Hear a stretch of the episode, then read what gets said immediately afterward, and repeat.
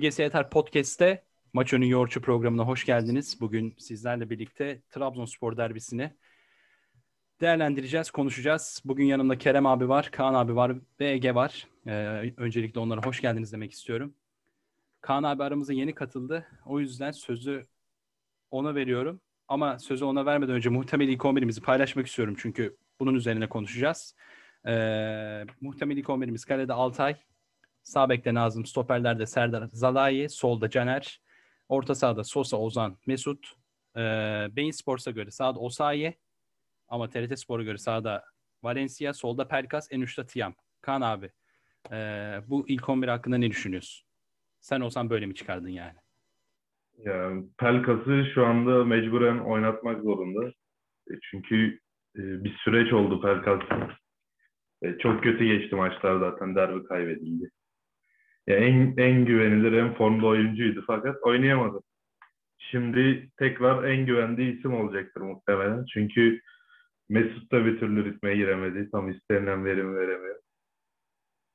Ya daha çok tartışılması gereken forvet ne yapacak? Geçen maç çok etkisizdi. Göztepe maçında yani o kadar çok ceza sahasında topla buluşup ya pozisyon üretememek çok ilginçti yani.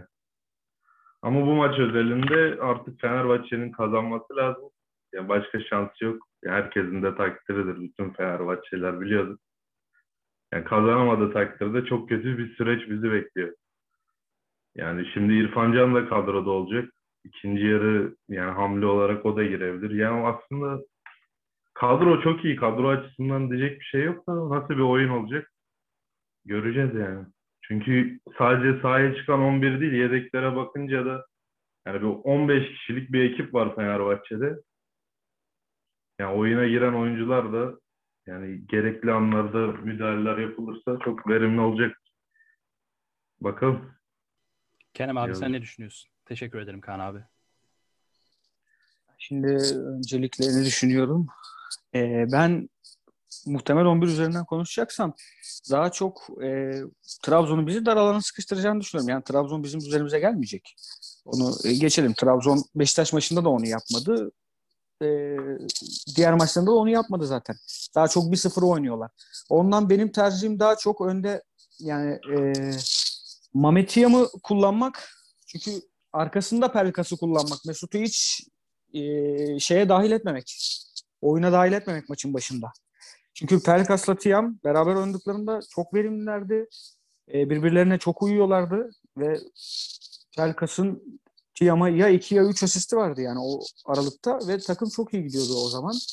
Kötü de oynadığını düşünmüyordum o zaman takımın. Daha dengeli oynuyordu. Topu rakibe bıraktığını düşünsem de dengeli oynuyordu. İyi bir yani dolu bir topu vardı en azından. Şimdiki gibi böyle rakibin 50 tane pozisyona girdiği sürekli bizim bir şey yapamadığımız bir futbol yoktu. Pozisyona da giriyordu. Ben öyle bir şey yapılması taraftarıyım.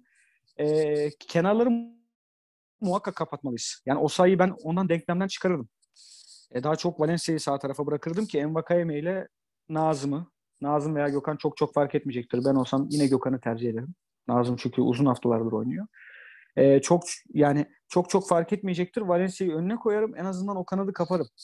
Vakayeme ile e, birebir bırakmak istemem oradaki oynayan bek oyuncusunu. Çünkü Vakayeme'nin Beşiktaş maçında attırdığı gol ortada yani arkadaşlar. O o bir canavar. O bir canavar. O yani önce onu önlem almaya çalışırım. Bunu kazanmak için yaparım tabii ki. Ama dediğim gibi dar alana gireceği için hani Tiam'ı kullanmayı düşünmüyorsa en önde Perkas'ı kullanıp arkasına Mesut'u kullanıp daha e, kısa pasa dayalı bir oyun da oynayabilir ama ben bizim takımın kısa pas yaptığını görmedim şu dakikaya kadar. Valla 11 ile ilgili söyleyeceklerim bunlar ilerleyen dakikalarda konuşmaya devam ederiz. Ege'ye bırakayım sözü ben. Evet yani ilk 11'e baktığımızda aslında şimdi Nazım'ı görüyoruz. Bence Nazım yerine Gökhan daha iyi, daha iyi olmaz mı? Ben de öyle düşünüyorum. Ama Gökhan'ın da uzun süredir maç oynamaması benim kafamda açıkçası biraz soru işareti. Uzun süredir yok çünkü. Ama Nazım da hani bir yerde artık bırakmak zorunda. Oynamayı ilk 11'de en azından başlamayı bırakmak zorunda. Şimdi orta sahaya baktığımızda Ozan'la Sosa ve Mesut. Şimdi Ozan'ın e, göster maçında gördüğümüz gibi o süpürücülüğü yok. O süpürücülük özelliği yok zaten. Hani biliyoruz hepimiz. o süpürücü özelliği olmadığı için ben açıkçası yani daha farklı bir isim e, almak gerekiyordu oraya. Yani Tolga'yı göndermemek gerekiyordu ama yapacak çok da fazla bir şey yok. E, Mesut'a gelirsek e, Mesut yerine kesinlikle Pelkas'la başlanmalı orada. Çünkü Mesut ya gördük yani evet çok iyi oyuncu, çok iyi paslar atabilir. Ama fiziksel anlamda gelişmesi gerekiyor. Kesinlikle gelişmesi gerekiyor. Bu da öyle bir anda olacak bir şey değil. Zaten büyük ihtimalle sorunluktan Mesut'u e, geçtiğimiz haftalarda ilk 11'de gördük. Umarım Pelkas umarım Pelkas başlar. E, forvet konusuna gelecek olursak yani forvette gerçekten bütün forvetlerimizin bu kadar kötü olduğu, bu kadar berbat olduğu ben bir sezon daha hatırlamıyorum. Gerçekten çok kötü. Hepsi çok kötü. Ya tabii bunun bence oyunla biraz da alakası var. Çünkü bu kadar e, ben Samatta'yı uzun süreler, uzun sezonlar izledim. Yani bu kadar kötü ben bir, bir ben bu kadar kötü bir e, Samatta hatırlamıyorum açıkçası. Uzun süreler izlememe rağmen inanılmaz kötü forvetler. Diyeceklerim bu kadar. Yani kadro iyi ama oynayacağımız oyun e, Kerem abi ve Kaan abinin dediği gibi oynayacağımız oyun çok önemli açıkçası. Ee, şimdi ben düşüncelerimi paylaşayım. Öncelikle sizin Mesut konusundaki yorumlarınıza katılıyorum. Mesut'un e, bu maçı kaldıracak tempoda olduğunu ben de düşünmüyorum. E, yani özellikle derbi temposunu bu şekilde bence orta sahada çok sert bir mücadelenin olacağı maçta Mesut'un e, pek yararlı olacağını düşünmüyorum. Yani bu Gustavo olsaydı farklı bir şey söyleyebilirdim. Çünkü arkasında gerçekten bir e, süpürücü olurdu ve Mesut'a daha az bir e, savunma katkısı düşerdi ki zaten Mesut'a savunma katkısı düşmemesi lazım. Onun dışında yani o yüzden ben de Mesut yerine direkt orta sahada Pelkas'ın başlamasını sol e, sol tarafta belki Caner'in eğer Novak oynayabilecek durumdaysa sol tarafta Caner'in oynamasını Novak ve Caner'in arkalı önlü bir defansif hattı kapatmasını e, ve forvette Tiam'ın oynamasını isterim yani düşünüyorum aslında ama tabii Erol Hoca ne düşünür, ne uygular onu pek bilmiyorum.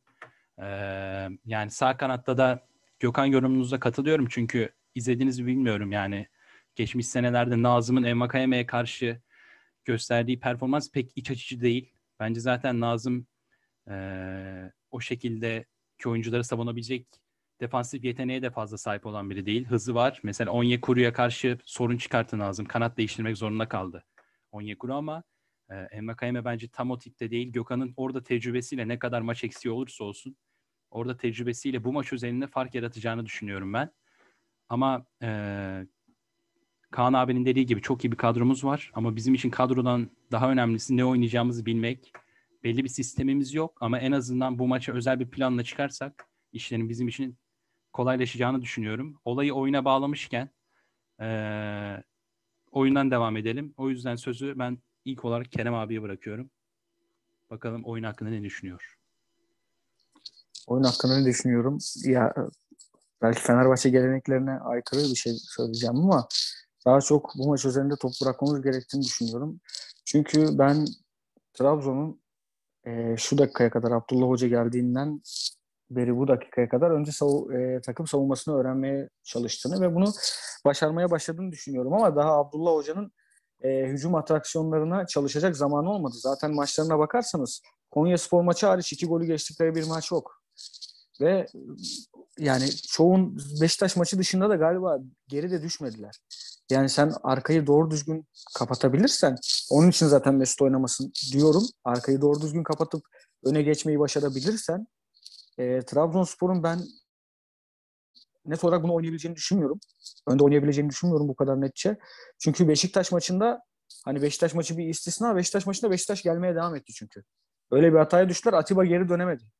Atiba'nın geri dönemeyişi o işte Beşiktaş savunmasındaki aksaklıkları ortaya çıkardı. Ondan biraz daha Mesut'tan şüphem var. Sosa'yı daha statik olarak arkada kullanmamız gerektiğini düşünüyorum mesela bu yüzden. Çünkü Sosa öne doğru giderse geriye dönemeyecek. Bunu bilelim yani. Ozan'ı daha 8 gibi kullanıyoruz. Çünkü Ozan'ı daha 6 gibi kullanıyoruz. Sosa'yı daha 6 gibi kullanmamız gerektiğini düşünüyorum. E, orayı o toparlar. Serdar Aziz bana hiç güven vermemeye başladı son haftalarda. E, işte bu oyunu etki yani etkiliyor bence. Tisserand'ın şöyle bir artısı daha olabilir onun yanında oyun açısından. E, Atilla'ya baskı yapıldığında Tisserand arkadan iyi çıkabilen bir adam. Onu kullanabilmemiz açısından açısından Tisserand'da kullanılabilir. Canini de tamam iyi bir santrafor bence. Beğeniyorum. Hızımızı da var. Ama ya o, o Mustafa Muhammed gibi de değil yani fiziksel olarak bence. Kafa toplarında bu kadar alan vuran bir adam değil. Mustafa Muhammed öyle bir adam. Serdar Aziz'i e, orada mesela daha mantıklı buluyordum ama bu adam öyle bir adam değil. Yani Tisserand'ı kafa topuna bırakmadığımız müddetçe Tisserand bence çok iyi bir stoper. Ben çok beğeniyorum Tisserand'ı. Ama kafa topuna kaldı mı Malatya Spor maçı ortaya çıkıyor. Ama ben şöyle bir şey eklemek istiyorum Tisserand konusunda. Ee, Mesut'u oynatmayalım diyoruz. Ee, yani Mesut'u oynatmayacaksak oradan gerçekten Mesut yerine Tisserand'ı koyup üçlü savunma şeklinde de oynayabiliriz. Hani zaten bence Zalai ve Tisserand belli bir zamandan sonra hücum oyuncusu da oluyorlar. Çünkü topla çıkma yeteneğine sahipler. Yani o ikisini yan yana oynatmak Serdar'ı da rahatlatacaktır diye düşünüyorum. Abi hiç denemediğim bir şey. Üçlüye bu maçta dönemezsin yani. Hele bu maç tamamen şey maçı yani.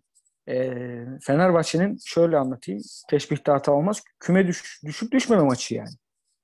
Fenerbahçe kaybettiği anda bütün iddiasından kaybolacak. E, hocası gidecek. Karışacak kulüp. Ondan dolayı bu maç onun riskine giremez. Ondan zaten sen de söyledin. Novak önü Caner yapılabilir mi? Ekuban tehlikeli oyuncu ama Ekuban yani ceza sahasında topla buluşmadığı müddetçe bu sene o kadar etkili değil bence. Ama ceza sahasında o golü yapıyor. Allah vergisi bir yeteneği var. Ceza sahasında buldu mu atıyor o golü yani. Ve pasörlüğü de iyi. Eku, Ekuban'dan daha çok Envaka Emin'i durdurmamız lazım bizim. Bir şey daha eklemek istiyorum. Twitter'da birkaç böyle yorum gördüm işte.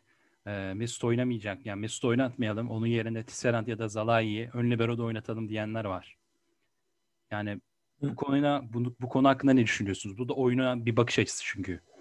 Ee, yok abi. Yok abi. Yani bir, bir, hele Zalai'yi oraya çekmek, stoperden bu kadar iyi bir oyuncunu almak büyük hata. Yani stoperini boşaltıyorsun bu sefer öyle düşün. Hani herkes Gustavo'yu stopere çekelim orta saha sosa Ozan olsun diye anlatıyordu. Pelkas'ı da önüne koyalım diye anlatıyordu. Ama Gustavo'yu sen stopere çekip stoperine bir kalite kattığın zaman orta sahandan ciddi bir savunma anlamında kalite düşüşü oluyordu. Bu da aynısı olur. Zalai'yi kesinlikle öyle düşünmüyorum. Tisserand düşünülebilir. Neyse sözü bırakıyorum. Ben Kaan devam etsin istiyorsa.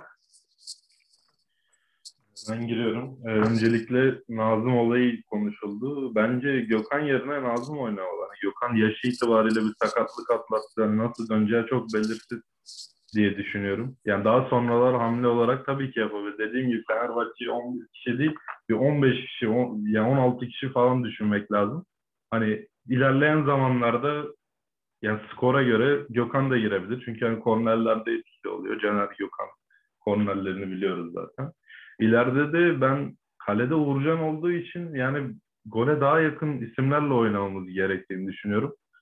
Yani en çok gol, en verim aldığımız dönemde Samat'ta Tiam Valencia oynuyordu. Arkalarında da Pelkas vardı. Ee, çok güzel ikili oyunlar oluyordu. Yani attığı çok güzel goller var. Çok da iyi anlaştılar gibi gözüküyordu. Ya o sistem Pelkas'ın sakatlığıyla bozuldu zaten. Şimdi tekrar öyle bir şey denenmesi gerektiğine inanıyorum. Çünkü Fenerbahçe e, geçen maç itibariyle gösterdi ki yani geriden geride beklersek yani gol bulmamız bence çok zor olacak. Kalede Uğurcan var. Beşiktaş, en son Beşiktaş maçında gördük. Yani çok etkiliydi. Maça çok etki etti. Yani Beşiktaş bangır bangır geldi bir ara ama golü bulamadı. Böyle bir faktör de var. Yani Zalai olayına döneceğim şimdi. Ona da gelirsek yani defans da tutmuş adamın varken yani çok da kaliteli duruyor. Takımın belki de kötü gidişe rağmen en formda oyuncularından son dönemdeki. Ve ara transfer dönemindeki şu anda gözüken en verimli tam nokta atışı bir transfer olduğunu gösterdi. Yani onun bölgesini değiştirmek biraz risk. Yani o riski alınacak maç mı? Bence değil daha ilerleyen dönemlerde yani Gustavo dönmezse veya işte bir sistem oturamazsa denenebilir mi? Denenir bazı maçlarda ama ya bu maçta tamamen Fenerbahçe nasıl gol atarım? Yani tamamen gole odaklanmak. Başka türlü bu maçın gelme ihtimali yok diye düşünüyorum yani geride bekleyerek. Yani çok büyük risk olur. Yani etkili oyuncuları da var, var Trabzon. Ama bakalım tabii. Abi sana şöyle katılıyorum. Trabzon zaten hep 1-0 kovalayan bir takım. O yüzden dediğin evet. gibi bizim önce gol atmayı düşünmemiz lazım. Yani savunma güvenliğini bir tık da olsa geri planda bırakabiliriz aslında bu maç üzerinde o, sıra, o, o, o sırada yersek ne olacak? Yedi, yediğin anda senin bu psikolojiyle onu, onu çıkarma şansın yok arkadaşlar. Bu bir gerçek yani. Öyle bir kalite de gösteremedik şu ana kadar. Hani maç Var. çevirdikler. Var ama basit. Kalite var da oyun olarak hiç göremedik yani öyle bu takım döner. Hani geriye düşerse taraftar olarak bile yani düşünürüz böyle maç gitti diye yani direkt. Düşünüyoruz zaten. Vallahi yani maalesef düşünüyoruz. Ege sen ne düşünüyorsun? Ama şimdi eee şimdi Tisseland aslında ön libero'da oynayabilir mi? Ben onu düşündüm bu süreçte. Eee, çünkü e, Ozan en azından e, benim görmek istediğim e, şeyi beceremiyor. Yani bu kesinlikle böyle. E, şeye gelelim, Sosa'ya gelelim. Sosa da 35 yaşında. Yani Sosa'yı biraz daha 8 numarada kullanıp e, geriye Tisseland, Tisseland'ı koyup en azından orta sahayı kapatmak ortayı kapatmak gerektiğini düşünmeye başladım biraz daha. Çünkü e, Tisserand'ın biraz ayağı da var. Yani kafaya kalmadığı sürece ayağına hakim bir oyuncu açıkçası. E, yani oyun konusuna gelecek olursak ilk golü kesinlikle biz atmamız gerekiyor. Bu bu böyle. Ya istatistiklere baktığımızda da bu böyle. İlk golü attığımız zaman maçın çoğunu kazandık. Ama ilk golü nasıl atacağız? Yani çoğunu Yani- değil hepsini kazanmışız bu arada. Böleyim. Değil mi? Değil mi? Aynen Hepsini. hepsini kazanmışız. Yani e, bak baktığımız zaman e, topu bırakarak oynadığımız maçlar var. Ki Çoğun, çoğunu öyle oynadık şu ana kadar. Topu bırakarak oynadık ve ilk golü gene biz attık aslında.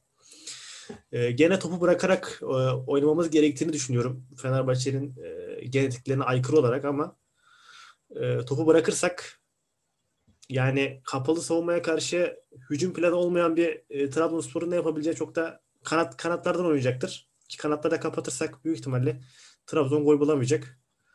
Sonrasında zaten biz bir türlü gol buluruz. Yani kapandı kapandıktan sonra o çıkışlar, hızlı çıkışlar özellikle o sayıyla gol, bulucu, gol bulabileceğimizi düşünüyorum ben açıkçası. Bu şekilde benim düşüncelerim. Ee, ben birazcık düşüncelerimi paylaşırsam ben Başakşehir Trabzonspor maçının bir kopyası olacağını düşünüyorum. Yani çünkü Erol Bulut'un da Aykut Hoca'nın felsefesine yakın bir futbolla sahaya çıkacağını düşünüyorum ki o dakikaya kadar Başakşehir e, Trabzonspor'u oyun olarak tutmayı pek başaramasa da bazı noktalarda en azından gol yememeyi başardı. E, Başakşehir şu anda zor durumda. E, ben demiyorum ki biz de tamamen kapanıp oynayalım. Ama yani gerçekten skor almak bizim için yarın yani yarın bizim için skor almaktan önemli hiçbir şey yok. O yüzden bize skoru ne getirecekse e, onu oynamamız lazım. Tisserand konusunda ben şöyle düşünüyorum yani Tisserand'ı ön libero'da oynattığımız zaman gerektiğinde e, yani o eğer Tisserand ön libero'da oynarsa Nazım'ı da ya da Gökhan'ı da kesip birazcık futbol menajer kafasına giriyorum ama Ozan'ı sağ bekte oynatıp e, hücumda Ozan'ı orta sahaya Tisserand'ı sağ beke savunmada Ozan'ı sağ beke ama Tisserand'ı orta sahaya gönderip bir şekilde daha kesici bir orta sahaya sahip olabiliriz belki ama biz şu an tabii çok farklı şeyler düşünüyoruz. Erol, Erol Bulut Hoca'nın bunları yapmayacağından adım kadar eminim. Yani direkt Ozan Sosa Pelkas orta sahası ya da Ozan, Mes Ozan Sosa Mesut orta sahası çıkacaktır. Ee, Kerem abi bir şey O-? Söyleyeceğim abi çünkü abi aman aman geçen sene bunu bunu çok sık yaptık aman. Ya Tolga Ciğerci'nin sol kanat ısrarı, Jason'un stoper ısrarı tamam adam yoktu da abi Ozan Tufan'ı orta sahadan almak ne olursa olsun Ozan Tufan'ın o temposunu orta sahada kullanmak lazım. Beke meke aman. Aman iki tane bekim var oğlum zaten boş ver. Abi işte sorun şu Ben- ki bence sorun şu ki Ozan'ın son maçlarda temposu yok. Özellikle bu devre arasında transfer haberleri çıktıktan sonra Ozan'ın temposunun kaybolduğunu düşünüyorum ben. Biraz o o dribbling özelliğini biraz kaybediyor. Bir de zemin de ama yani iki hafta yani gösteri maçındaki zemin tartışılmaz yani. Ozan, özellikle büyük ihtimalle Ozan'ı etkilemiştir. Temposunu biraz kaybetmeye başladı. Onu ben de farkındayım ama yani bekte uzun süredir bekte oynamıyor Ozan. Uzun süredir yani çok çok uzun süredir. Belki Bursaspor'dan beri bekte oynamıyor. Doğru mu? Geçen sene oynamışlığı var Trabzonspor maçında içeride. Bir maç. Yanlış hatırlamıyorsam. Yok Başakşehir maçında da hoca oynattı onu bekte. Tolga Ciğerci'yi orta sahaya attı. Tamam. Tolga Ciğerci'yi kullanabilmek için. Aynen. Trabzon maçında da oynadı ondan sonra. Ama çok iyi oynamıştı iki maçta da. Evet. O yüzden dedim zaten yani ne bileyim belki bir çözüm olur diye de tabii yani Erol Bulut Hoca'nın bunu yapmayacağını eminim. Zor. Eğer oyun hakkında, oyun beklentisi hakkında düşüncelerimiz bittiyse asıl bizim için önemli olan kısım maç sonucuna geçelim. İlk önce şunu soracağım Kaan Son abi. olarak Ozan'ın, performansını önce anlatayım. Bence Gustavo'nun yokluğuyla paralel olarak düştü. Çünkü yani Sosa bekleneni veremedi. Yani geriye dönmelerde, tekrar ileri gitmelerde yani çoğu her şeyini verdiğini görebiliyoruz son dönemlerde ama ya o maç ritmini yakalayamadı sene içinde. Bu yaşta bir futbolcu için de zor bunu yakalamak. Yani Ozan'ın performansı ona paralel olarak yani veya ters olarak değiştiğini düşünüyorum ben. Yani çünkü Gustavo'nun top süpürme özelliği var geride. Ozan'ın da çok fazla iş düşmüyordu defansif olarak. Fakat şimdi izlediğimiz maçlarda Gustavo'nun yokluğunda yani Mesut da ileride kalıyor. Ee, Sosa da gerekli etkinliği sağlayamıyor. Ozan tek başına yani geride kalıyor. Geri ileri yap, geri ileri yap. Yani temposu bence bu yüzden biraz düşük olduğunu düşünüyorum. Yani diğer konuya gelince de maçı kazanmak olarak yani maç sonucu nasıl olmalı? Ya tabii ki Fenerbahçe artık kesinlikle kazanmalı. Yani büyük maçları kaybetmişsin. Bir de şöyle bir şey var. Şimdi Trabzon deplasmanı diyoruz ama artık ya bu pandemiden dolayı deplasman olayının da olmadığını gördük. Fenerbahçe iki maçını verdi içerideki. E şimdi artık kazanma zamanı. Yani beraberlik falan diye iyimser düşünmeye gerek yok. Gereken neyse yapılmalı. Kadro da buna elverişli. Yani dediğim gibi istersen bekleterek oyna, istersen direkt golü bulmaya çalış. Kadron her şey yatsın. Yani sadece ilk 11 olarak da değil, sonradan ekleyeceğin oyuncular da, oyuna dahil edeceğin oyuncular da büyük etki yapabilir. Ya maçı kurtarabilecek adamlar da var, olacaktır yedeklerde. Ama benim düşüncem golü golü istemek ya Kayseri maçındaki o 3-0'lık maçtaki kadronun benzerini bence görmemiz lazım. Çünkü gole en yakın onlar da hatta benzetmeler yapıldı işte Solya bu Emenike gibi ilerideki üçlü oyuncumuza. Yani gerçekten de öyleydi. Üçü de gol attı o maçta. Ya tekrar işte gole yakın adamlar olması lazım ileride. Çünkü dediğim gibi karşıda çok formda bir kaleci var. Yani Uğurcan çok formda ligin şu anda yerli olarak. Altay, Altay da çok iyi de yani bizim yenmemiz gerek. O yüzden söylüyorum. Tek düşüncemiz galibiyet. Ya ona göre kadro ile çıkmamız lazım. Yani forvetimiz sağlam olmalı. En iyi sınavı da veren o üçlüydü. O üçlüyü ben ileride görmek isterim. Arkalarında Mesut olur, Pelkas olur. O yani hocanın göreceği bir şey ama Mesut'u daha sonra atmak daha yararlı olabilir. Çünkü Pelkas yani başka bir seviyeydi. Hatta düşündük hani konuşuldu bir ara nerede oynayacak Mesut falan gibi şeyler. Tabii ki Mesut, Mesut'un yeri her zaman ilk 11'dir ama öyle kıyaslamalar oldu. Gerçekten ilginçti. Şanssızlık sakatlandı. Bir derbi kayboldu. Ama bu maçta o da bence ritmini bulacaktır. Tekrar ritme girecektir daha doğrusu. Ben güvenilmesi gerektiğini düşünüyorum ona. Mesut'a da bu maç olarak, bu maç özelinde yani ritmini yakalayana kadar da yani sonradan dahil edilmesi gerektiği düşünüyorum. Hem kendisi de yıpranıyor çünkü eleştiri de alıyor Mesut artık. Ya zaten Fenerbahçe'ye karşı bir farklı bir bakış var. Olay, olay bir anda siyasete döndü. Gitti Burak Yılmaz konuştu Lille'den. Yani farklı isimler konuştu. Gazeteciler bilmem ne. Gereksiz eleştiriler aldı. Yani daha fazla yıpranmaması adına ona da, onun da düşünülerek oynatılması gerektiğini düşünüyorum. Şu anda ekonomik oynayabilir zaten görüntü. O şekilde kullanılması gerek. Ama ben Fenerbahçe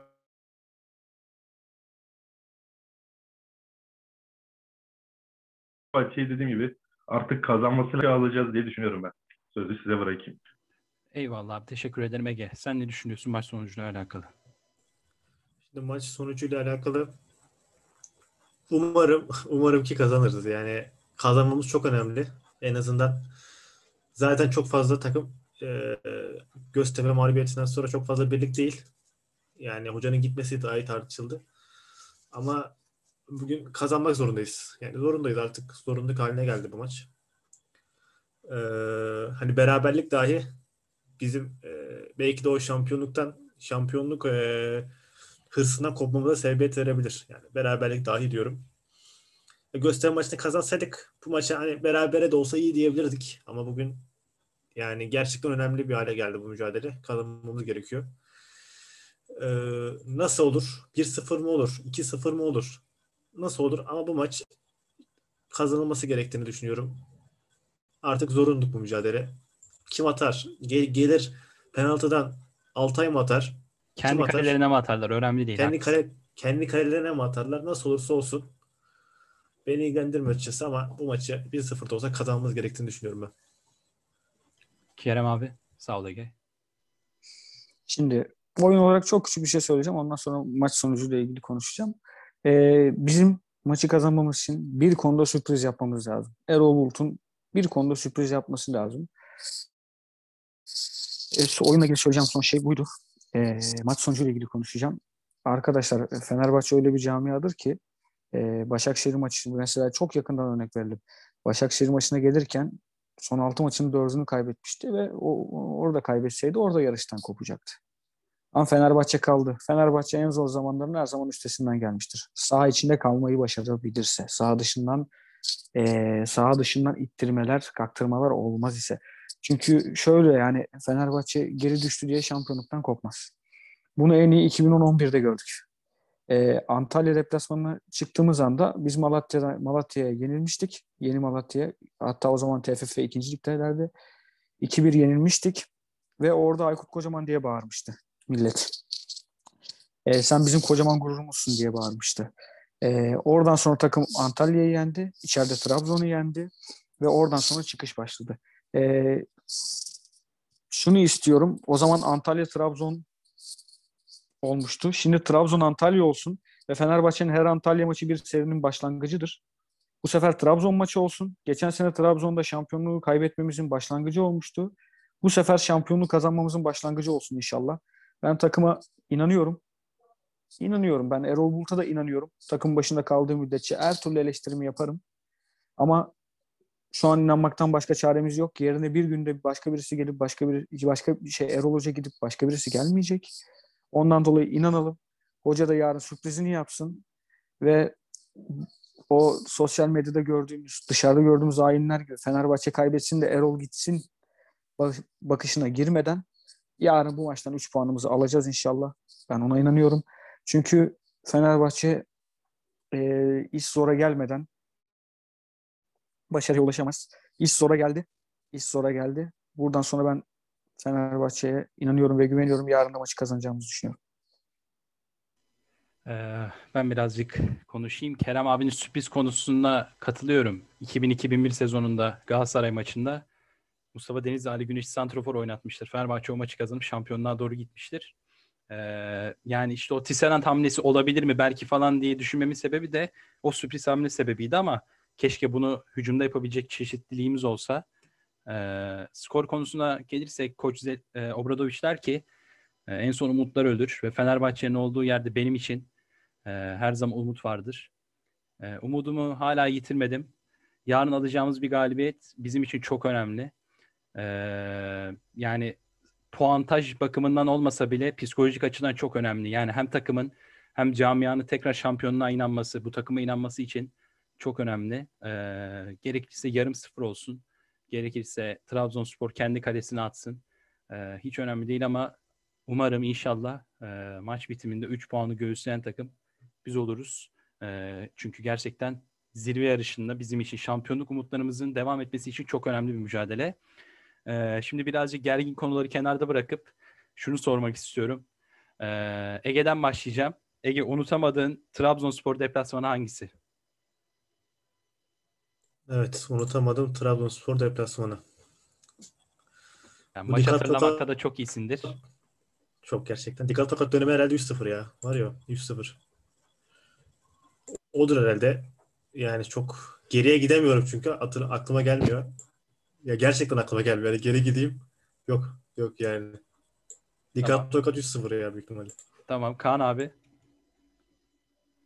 Ben isim olarak söyleyeyim önce. Yani Baroni çok başkaydı Trabzon maçlarında. Çok da güzel golleri vardı. Yani Trabzon deyince hatırladığım o var. Maç olarak da yani Trabzon'un deplasmanı hepsi gergin. Gergin konuya girmeyelim dedim ama. Sahaya girmeler, hakem dövmeler. Yani o 4-0'lık maçı söylerim. 61. dakikada Van Persie'nin attığı o müthiş free kick golü. Hala akıllarda 61'de atıp 62 yazıldığı falan. Çok ilginç olmuştu. O vardır şu anda aklımda. Bir de işte dediğim gibi isim olarak Baronic hep çok ön plana çıkmıştı. Çok da güzel goller atmıştı.